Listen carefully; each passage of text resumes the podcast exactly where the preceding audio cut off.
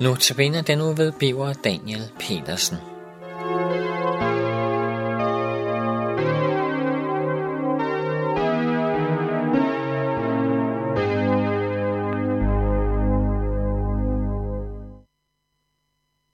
Vi skal i dag læse fra profeten Isaias fra en del af bogen, som har med løftet om Jesus at gøre.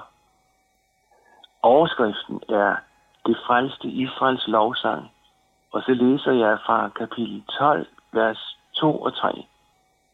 Der står, Gud er min frelse. Jeg er tryg, jeg frygter ikke, for Herren er min styrke og lovsang. Han blev min frelse. Og I skal øse vand med glæde af frelsens kilder. Et menneske, der kan sige ja til det, at vi hører det her fra det gamle testamentlige, den gamle testamentlige bog, det er et menneske, som har det mest grundlæggende overhovedet i livet på plads. Det menneske er nemlig kommet på plads i forhold til Gud. Og ja, man kommer på plads i forhold til Gud, har fred med Gud, om du vil. Det menneske er en position, så hvad der end hænder, så er der noget større og mere meningsfyldt og betydningsfuldt, som ingen kan pille ved eller fjerne. Det menneske kan sige, jeg er tryg. Det menneske kan sige, også selvom udgangspunktet måske ikke lægger op til at være tryg. Rent menneskeligt kan man jo måske synes, at det er så meget ængsteligt tæt på en, så man burde være ganske utryg. Og så bliver man mindet om, at selv da er man ikke ude af Guds hånd. Og også der holder Gud øje med mig og holder sin hånd under mig. Sådan er han også i dødskyggens dag. Om du er fattig eller rig, om du er syg eller rask, om du oplever at være ensom, eller du måske har venner og stor familie, om du er ung eller gammel. Alt det kan have betydning for, hvordan man oplever sit liv.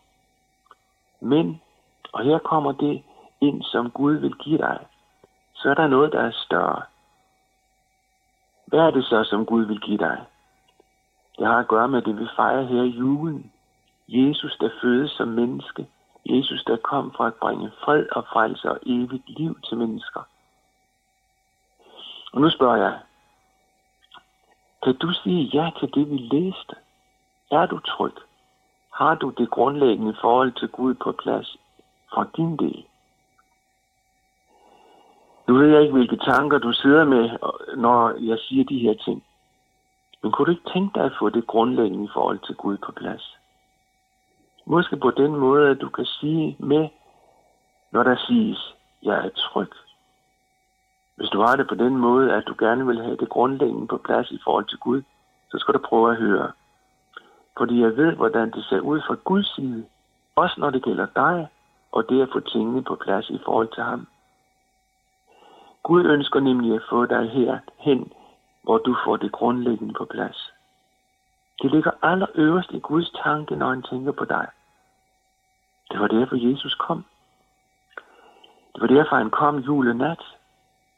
Han kom, og det Jesus gjorde gennem sit liv, kulminerer med, at han dør på et kors, hvor han kort før han dør udbryder. Det er fuldbragt. Det er færdigt. Det Jesus gjorde på den måde, det var at bane en vej fra Gud til dig, der hvor du er denne dag. Ikke nok med det, men denne virkelighed ønsker at give dig gennem ord, du hører. Altså gennem ord, som du lytter til denne dag. Jeg læste før fra Isaias. Gud er min frelse. Ja, det var den virkelighed, Jesus tilvejebragte. Det var det, han vandt, og det, han vil give dig. Gud er min frelse. Ved du, hvad der står, egentlig står her?